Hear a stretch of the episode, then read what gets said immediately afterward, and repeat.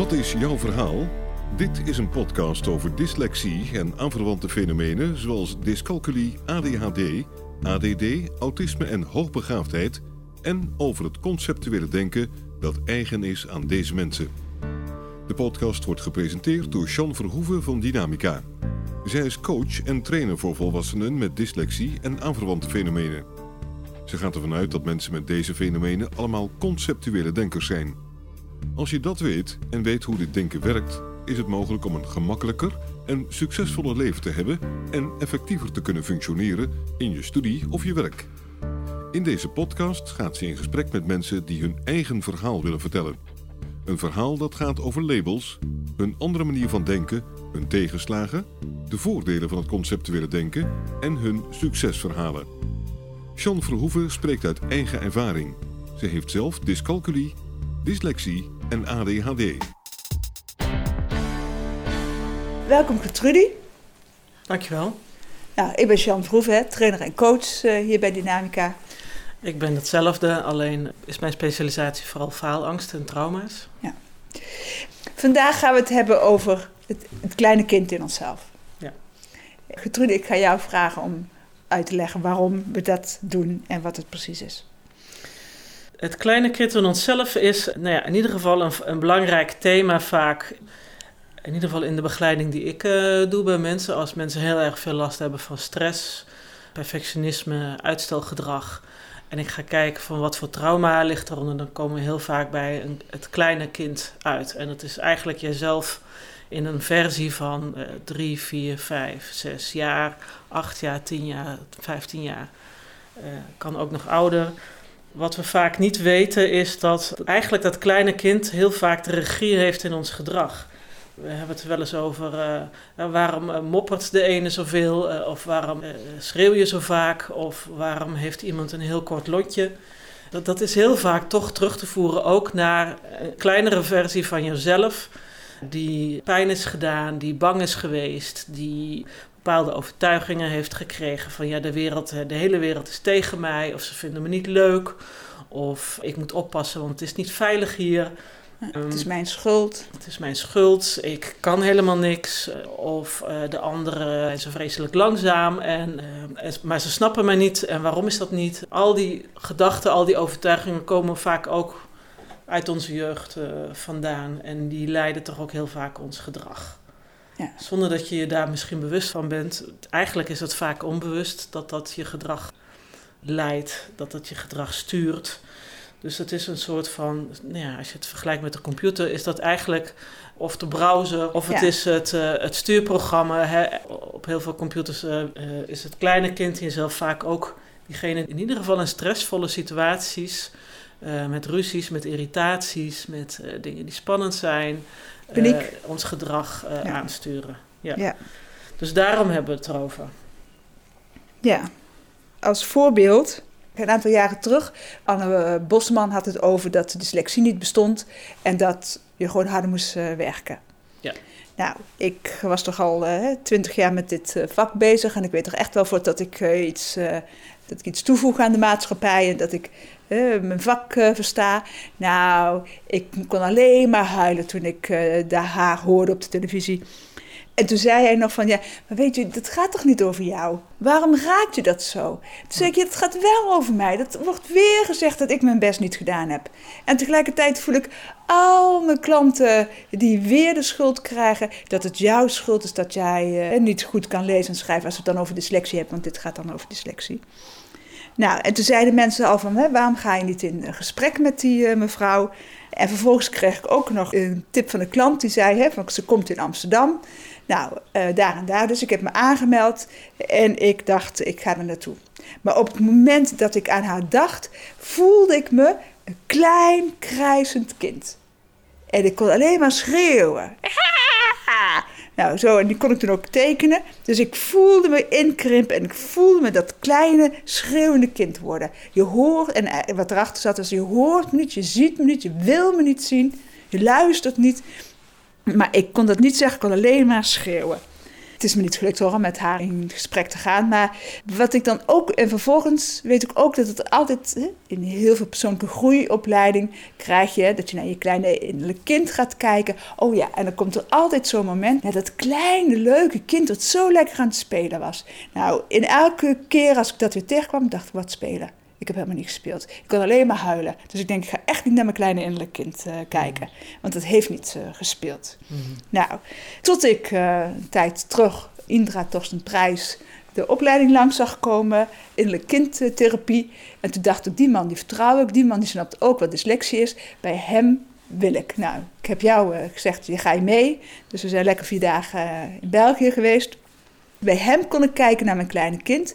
En nou, dat zat heel ver verstopt hè, bij de eerste sessies. Mm -hmm. Maar wat ik merk sindsdien is dat ik steviger word, dat ik minder in de overleving zit. Mm -hmm. Nou, en ik had al zoveel verwerkt. En dit geeft weer een nieuwe boost eraan om dat innerlijk kind, om die kleine ik van mij, om daarmee in contact te zijn. Hier gaan we het over hebben. Oké, uh, misschien is het handig als ik even vertel wat innerlijke kindtherapie is. En er zijn natuurlijk heel veel soortgelijke therapieën, maar in ieder geval dit is degene die wij hebben gedaan en waar wij heel erg enthousiast over zijn.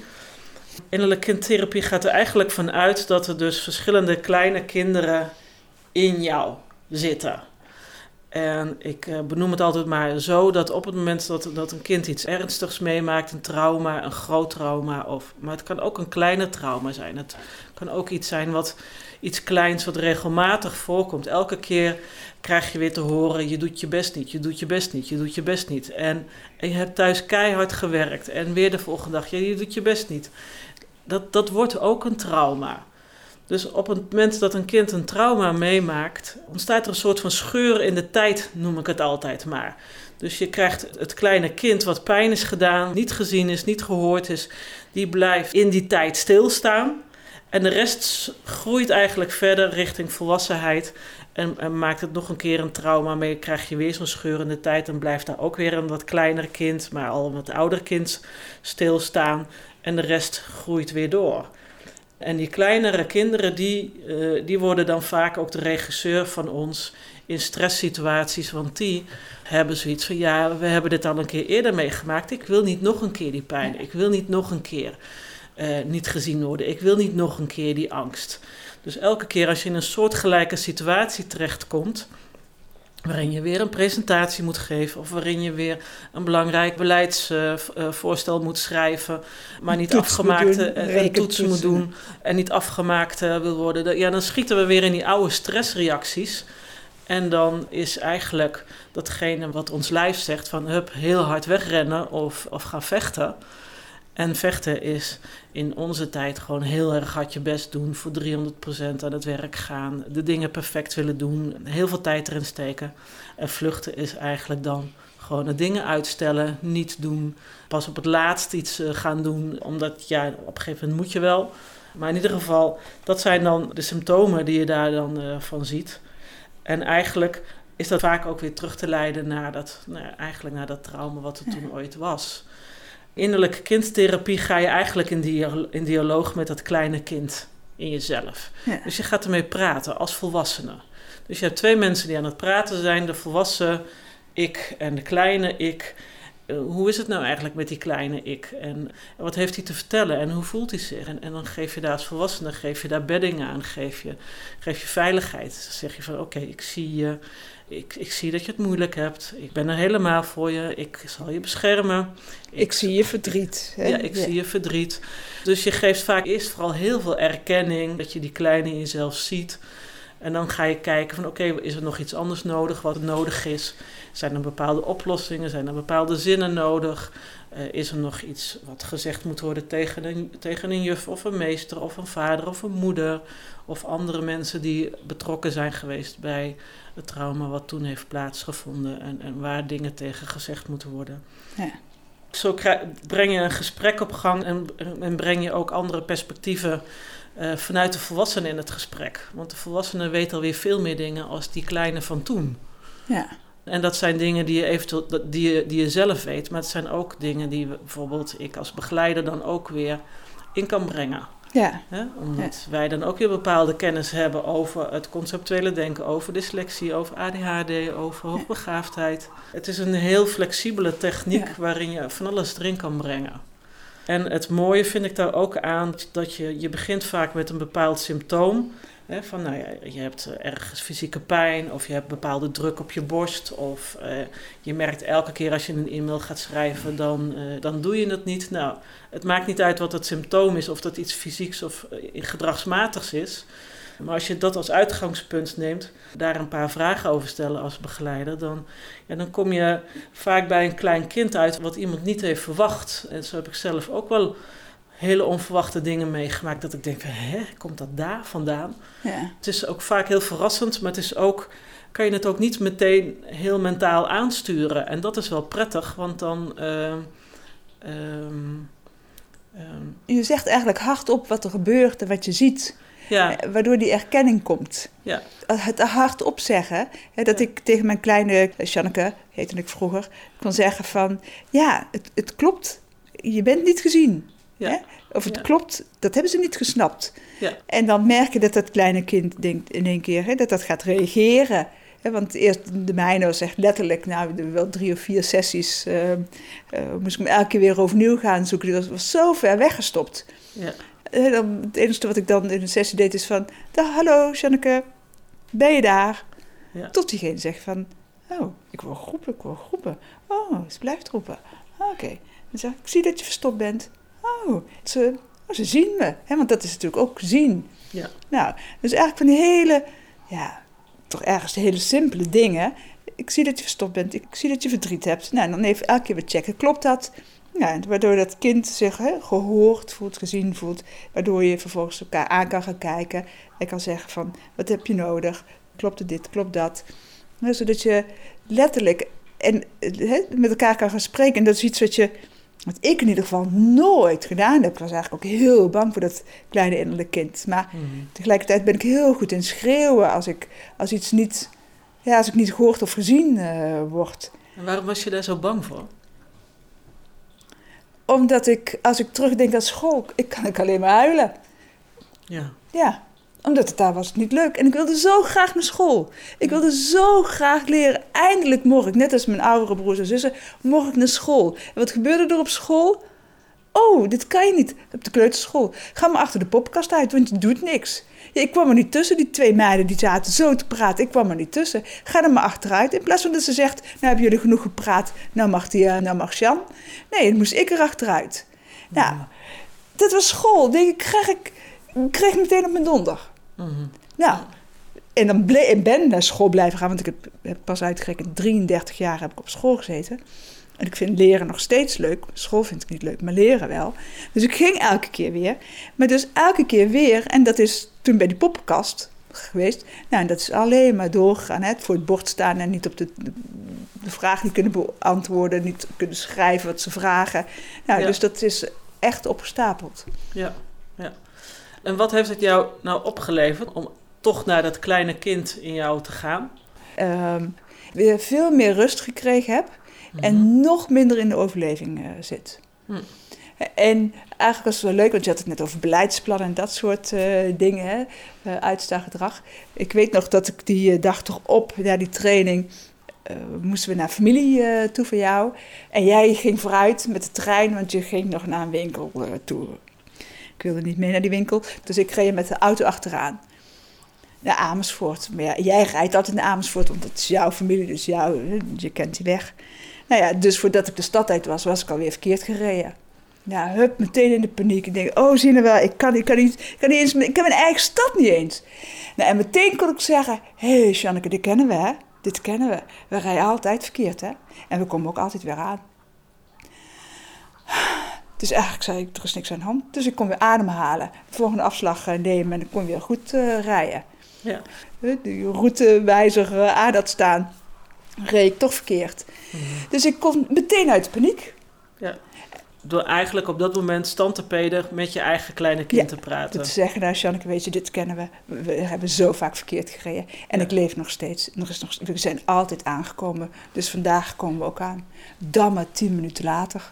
Ja. Zij wilde naar de winkel. Ik mag gewoon met mezelf op stap. Hè? Mhm. Dus, nou, en we zijn, we zijn gewoon op tijd. Ik bedoel, het Ja. maakt nou die tien minuten uit. Ja. Nou, maar dus door te zeggen, ja, Janneke, dit kennen we. Dit is, ja, en wat kan er gebeuren? Ja, niks. Ja. We draaien hier de volgende afslag en eh, Ja. ik ben er. In plaats van bezig te zijn met jouw probleem dat ik later was. Maar dat Ja. Paniek, ik kan veel, meer, eh, veel minder in die... In die eh, ik kan veel meer leven, nog meer leven. En stoppen met overleven. Ja. Ik praat dus wel voort heel vaak met mijn klein Janneke. Ja. Ja, ik zit in de middelbare school Hageland. Ja, dus het mooie van deze techniek is, als je dan een paar keer hebt eh, gedaan, dat je dan ook inmiddels weet hoe het een beetje werkt en dat je het gewoon ook meteen op jezelf kan toepassen. Dus als je dan merkt dat je dan in de paniek schiet, dat je meteen kan zeggen van hé, hey, oh ja, welk kind is dit nou eigenlijk? Oh, dat is dat kind. Nou, dan ga ik dat tegen, tegen haar in ons geval eh, zeggen. Eh, maar dat kun je met elk kind eh, in jezelf doen. Nee, eigenlijk is het veel simpeler. Gewoon door te zeggen van, nou Janneke, die kennen we. Ja, maar bij jou is Ja. Janneke gelijk het, de kleine Sjan. Ja, Hè? Bij mij is dat eh, niet, dus ik moet echt dan zeggen, kleine Getrudie. eh, ja, en dat je die naam noemt die erbij eh, hoort. Wat heeft het jou opgeleverd? nou ja, ik had bijvoorbeeld op een gegeven moment heel erg pijn in mijn schouders. De eerste keer mee aan de slag ging in zo'n innerlijke kindtherapie-sessie. Daarin kwam ik dan inderdaad op van het is een beetje alsof er pinnen in die schouders zitten, alsof ik een soort marionet ben die in het gereel loopt. Ja. Nou ja, ik kon wel voelen dat dat ook al op de basisschool speelde. Het gevoel dat ik daar in het gereel loop, maar de eerste keer dat ik daarmee bezig was, kon ik daar niet zo goed bij komen. Later kwam ik er dan achter eh, dat ik dus eigenlijk ook een conceptuele denker ben. En dat dat ook wel een belangrijke oorzaak daarin is geweest. Maar in ieder geval, die, eh, daar kwam ik de eerste keer niet zo goed bij. Vervolgens kreeg ik een beeld van ik als 16, 18-jarige regelmatig mijn moeder kleren ging kopen. Ik mocht niet zelf eh, kleren kopen. Ik kreeg geen geld mee. Mijn moeder ging altijd mee. We gingen naar hele conservatieve kledingwinkels. En ik moest dan een jurk uitzoeken voor de dansles. Want ik zat, mijn moeder had me inmiddels op dansles gekregen. Want dansles, dat was toch iets wat echt wel wat je als meisje moest eh, kunnen dansen.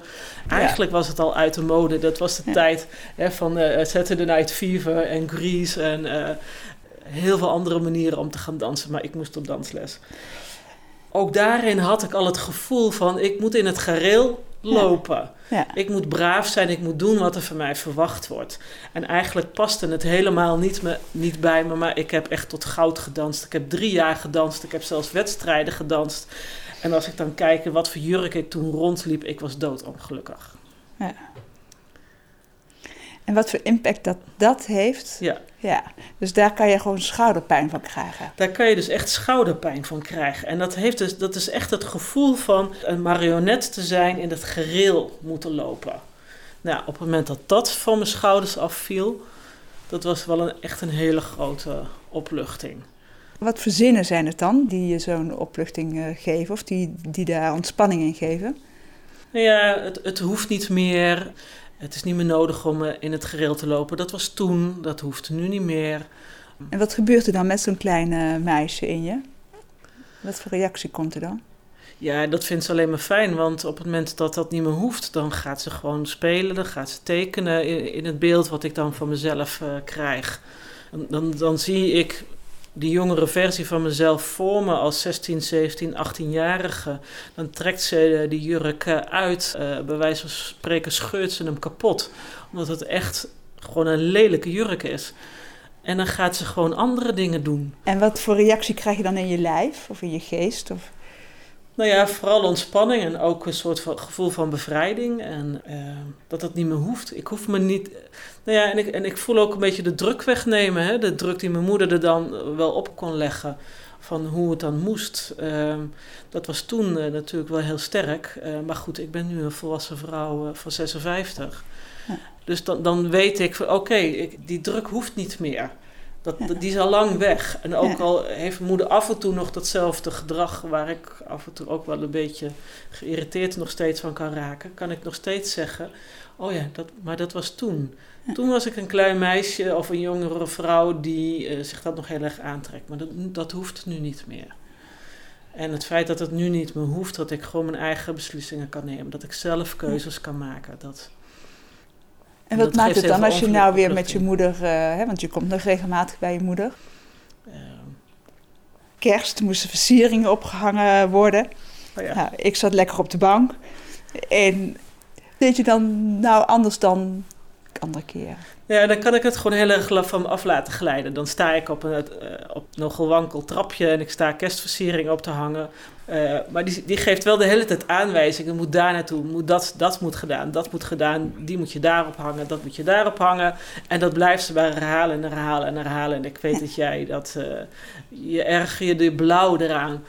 En ik ook wel, maar ik, ik kon ook iets hebben van: oké, zo doet zij nu eenmaal. Uh, dat, is, dat is haar manier om het te doen. En dan kan ik het ook gewoon langs mijn schouder af laten glijden. Het is niet meer zo dat ik het opneem, dat ik denk van ik doe het niet goed. Nee, ik heb ook echt zoiets van: ja, dat is hoe zij doet. Ja. En ik snap haar goede bedoelingen.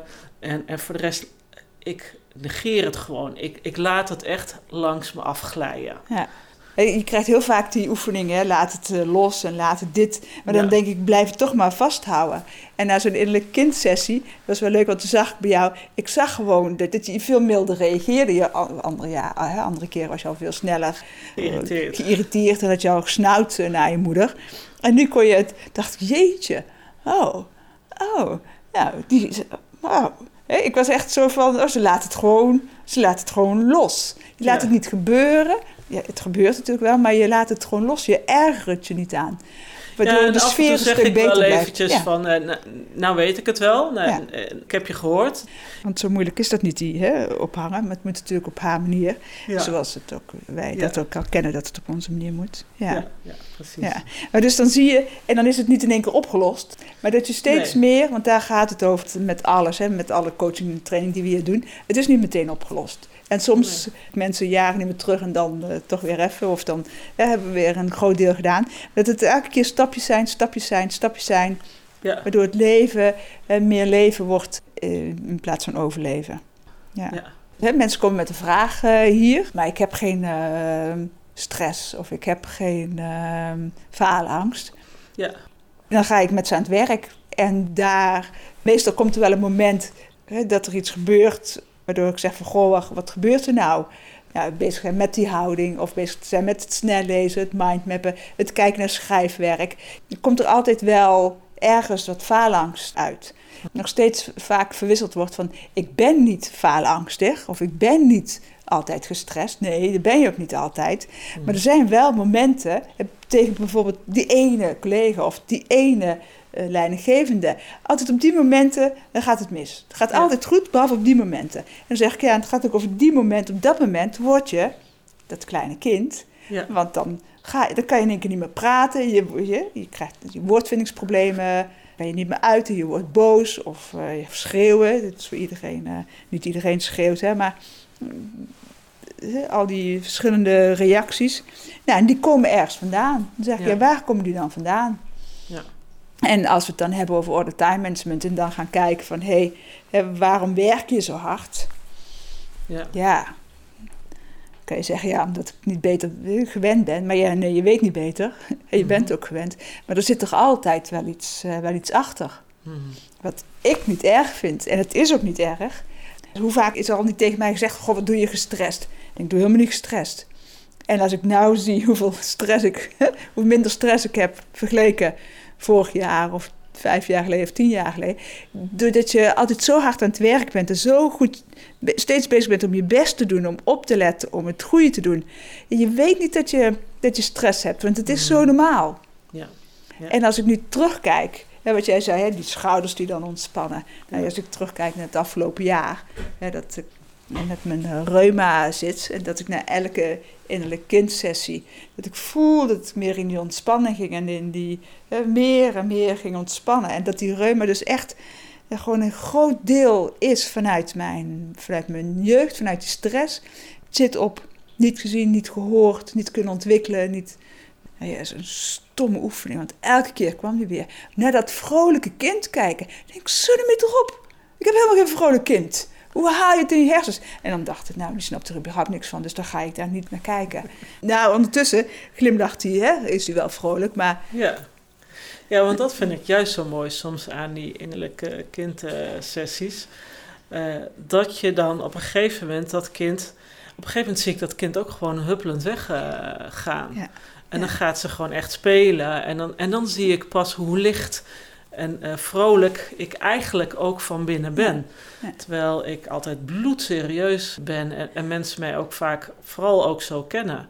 Maar dan denk ik van ja, dat kind is er dus kennelijk ook in mij. Wat veel lichter is, wat voelt, wat uh, naar de bloemetjes en de bijtjes kijkt. En overal in geïnteresseerd is en alles interessant vindt. En, ja. Ja, ik ben natuurlijk ook wel ergens vrolijk geweest, want ik heb ook, ik heb ook gewoon gespeeld. En dat is niet het eerste wat er bij me opkomt. Hè. Die pijn komt er veel eerder bovenop. Ja. Uh, en ik wilde, ik wilde gewoon leren. Ik wilde, ik wilde zo graag naar school. Ja. Ik wilde zo graag naar school. En het eerste wat er gebeurt is, hè, de deksel op mijn neus. Ja. Nou, terwijl we zo aan het praten zijn, moet ik ook gelijk weer aan, uh, aan mijn moeder denken. En mijn moeder zegt altijd, als we dit soort gesprekken hebben, dan zegt mijn moeder... Ja, maar weet je, je moet niet zo in het verleden blijven hangen. Je moet vooruit kijken. Ja. Uh, als ik dat dan weer zeg, en ik zeg dat nu tegen jou, ja. Uh, wat, wat is jouw reactie daar dan op? Ja. dat is heel mooi, want je gaat natuurlijk naar het verleden kijken, maar wat er gebeurt is dat dat verleden soort verandert. Ik kan nu zeggen, het komt goed. Jij hoeft mijn weg niet te gaan. Je hoeft het niet nog een keer te doen. Ja. Ik heb het al gedaan voor jou. Jij kan gewoon spelen. En dan zie ik ook die vrolijke Sjan maar dat leren aan zich, dat, die stempel van dom en lui en dat ik niet, kan, hè, niet zo vlot kan schrijven als dat ik intelligent ben, dat heeft altijd een hele zware. Eh, dat is gewoon, natuurlijk ook acht uur per dag zit je op school. Mhm. En acht uur per dag wordt er tegen, is er tegen mij gezegd: je kan het niet, je, je doet je best niet, uh, je weet het niet. En thuis werd dat ook wel een beetje bevestigd. Ik kom uit een groot gezin. Ook daar ben ik niet gezien. En dat snap ik ook, want ik, wij hebben twee meiden gehad dat was hard werken. Nou, laat staan dat je acht kinderen hebt. Dubbelop, hè? niet gezien worden en niet uh, gehoord worden. Ja, dat is dan eigenlijk ook een groot trauma voor jou. Ja.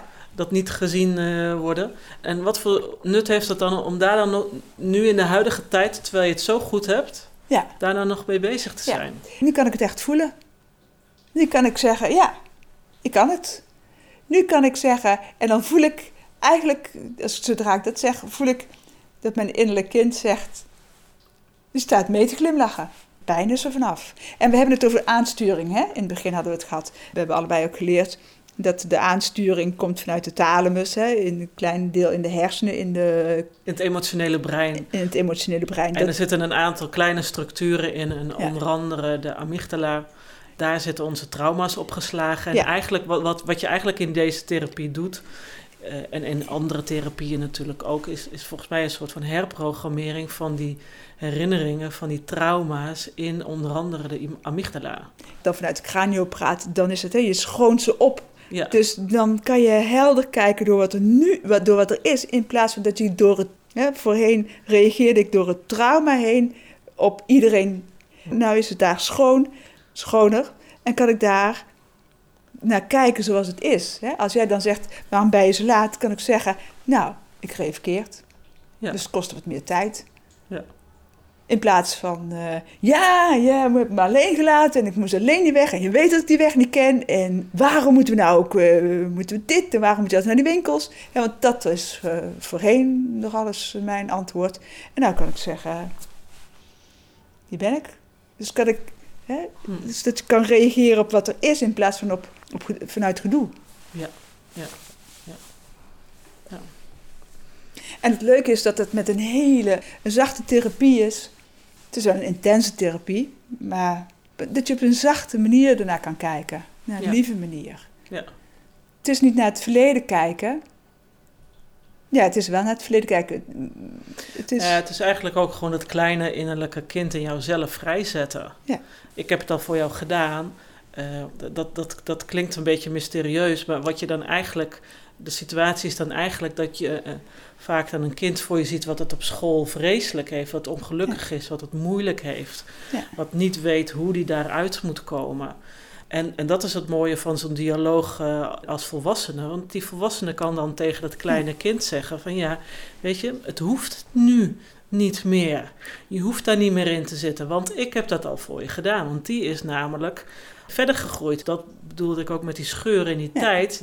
dat je een deel hebt van jezelf wat stil blijft staan en een, en een deel wat, wat doorgroeit. Dat deel wat doorgegroeid is, dat kan tegen die kleine zeggen van ja, het hoeft niet meer. Ja. Het is nu voorbij, want ik heb dat gedaan. Ja. En dat betekent dus ook dat je eigenlijk het kleine kind gewoon weer ziet, maar ook de toestemming geeft om gewoon maar weer te gaan spelen en precies dat te gaan doen wat, wat hij leuk vindt om te gaan doen. Uh, vrij is, uh, vrolijk kan zijn, uh, nieuwsgierig kan zijn, licht kan zijn. Ja. En dan wordt dat kleine kind ineens een spelend kind in jezelf. En dan hebben we het over die leuke, lieve kinderen waar jij ja. het in het begin zo over had. Ja. Want die is er dan een ene. En dan is die energie in jezelf ook, ja, die, die is dan vrijgezet. En dan kan je ook meer vanuit die energie weer in het heden genieten van die dingen die, uh, die leuk zijn. Uh, Dat je als je een stukje gaat fietsen en een, een, een paar vogels uh, samen ziet dansen. of dat je een vis uit het water ineens ziet springen en helemaal verwonderd daarna zit te kijken. En dan kan ik echt het oude verleden achter me laten. Ja. Dan kan ik dat laten voor wat het is. Dan leef ik niet meer vanuit dat, die pijn, maar dan leef ik vanuit, ja, dit is wat ik ben. Ja, En dit kan ik. Als je dat van me vraagt, dan moet je dat van iemand anders vragen. Ja, ja. Ik denk dat het goed is om nog één keer uh, de naam te zeggen hè, van waar we dit uh, geleerd hebben. Indra Torsten Prijs. Hij uh, heeft een eigen praktijk Kortrijk bij Antwerpen. hij geeft die opleidingen innerlijke kindtherapie. Wij geven dat zelf ook in onze eigen praktijk. Ja. Daar vertellen we ook wel wat over op onze website. En Indra staat ook op onze website. En Indra staat ook op onze ja. website. Ja. Nou, dankjewel voor dit gesprek. Jij ook, dankjewel. Ik zie weer uit naar het volgende gesprek met jou. ik ook. Wil je reageren op deze podcast of heb je vragen? Stuur dan een mail naar podcast.dynamica.nl. De reacties zullen worden meegenomen in volgende podcasts. John Verhoeven geeft coaching, workshops en trainingen. Wil je meer informatie? Kijk dan op www.werkendyslexie.nl of www.geniaaloprechts.nl of bel 020 639 1099 020 639 1099. Jean Verhoeven heeft twee boeken geschreven over dyslexie, Slimmer dan je baas en Dyslexie, Stoornis of Intelligentie. Deze boeken zijn te koop in elke boekhandel. Stuur de podcast door naar iedereen waarvan je vindt dat ze meer zouden moeten weten over dyslexie, ADHD, ADD dyslexie, dyscalculie, autisme en hoogbegaafdheid en het conceptuele denken. Deze podcast is gemaakt in samenwerking met Marcel de Hoog van Storytelling Media. Hij verzorgt de technische, redactionele en morele ondersteuning. Tot de volgende aflevering.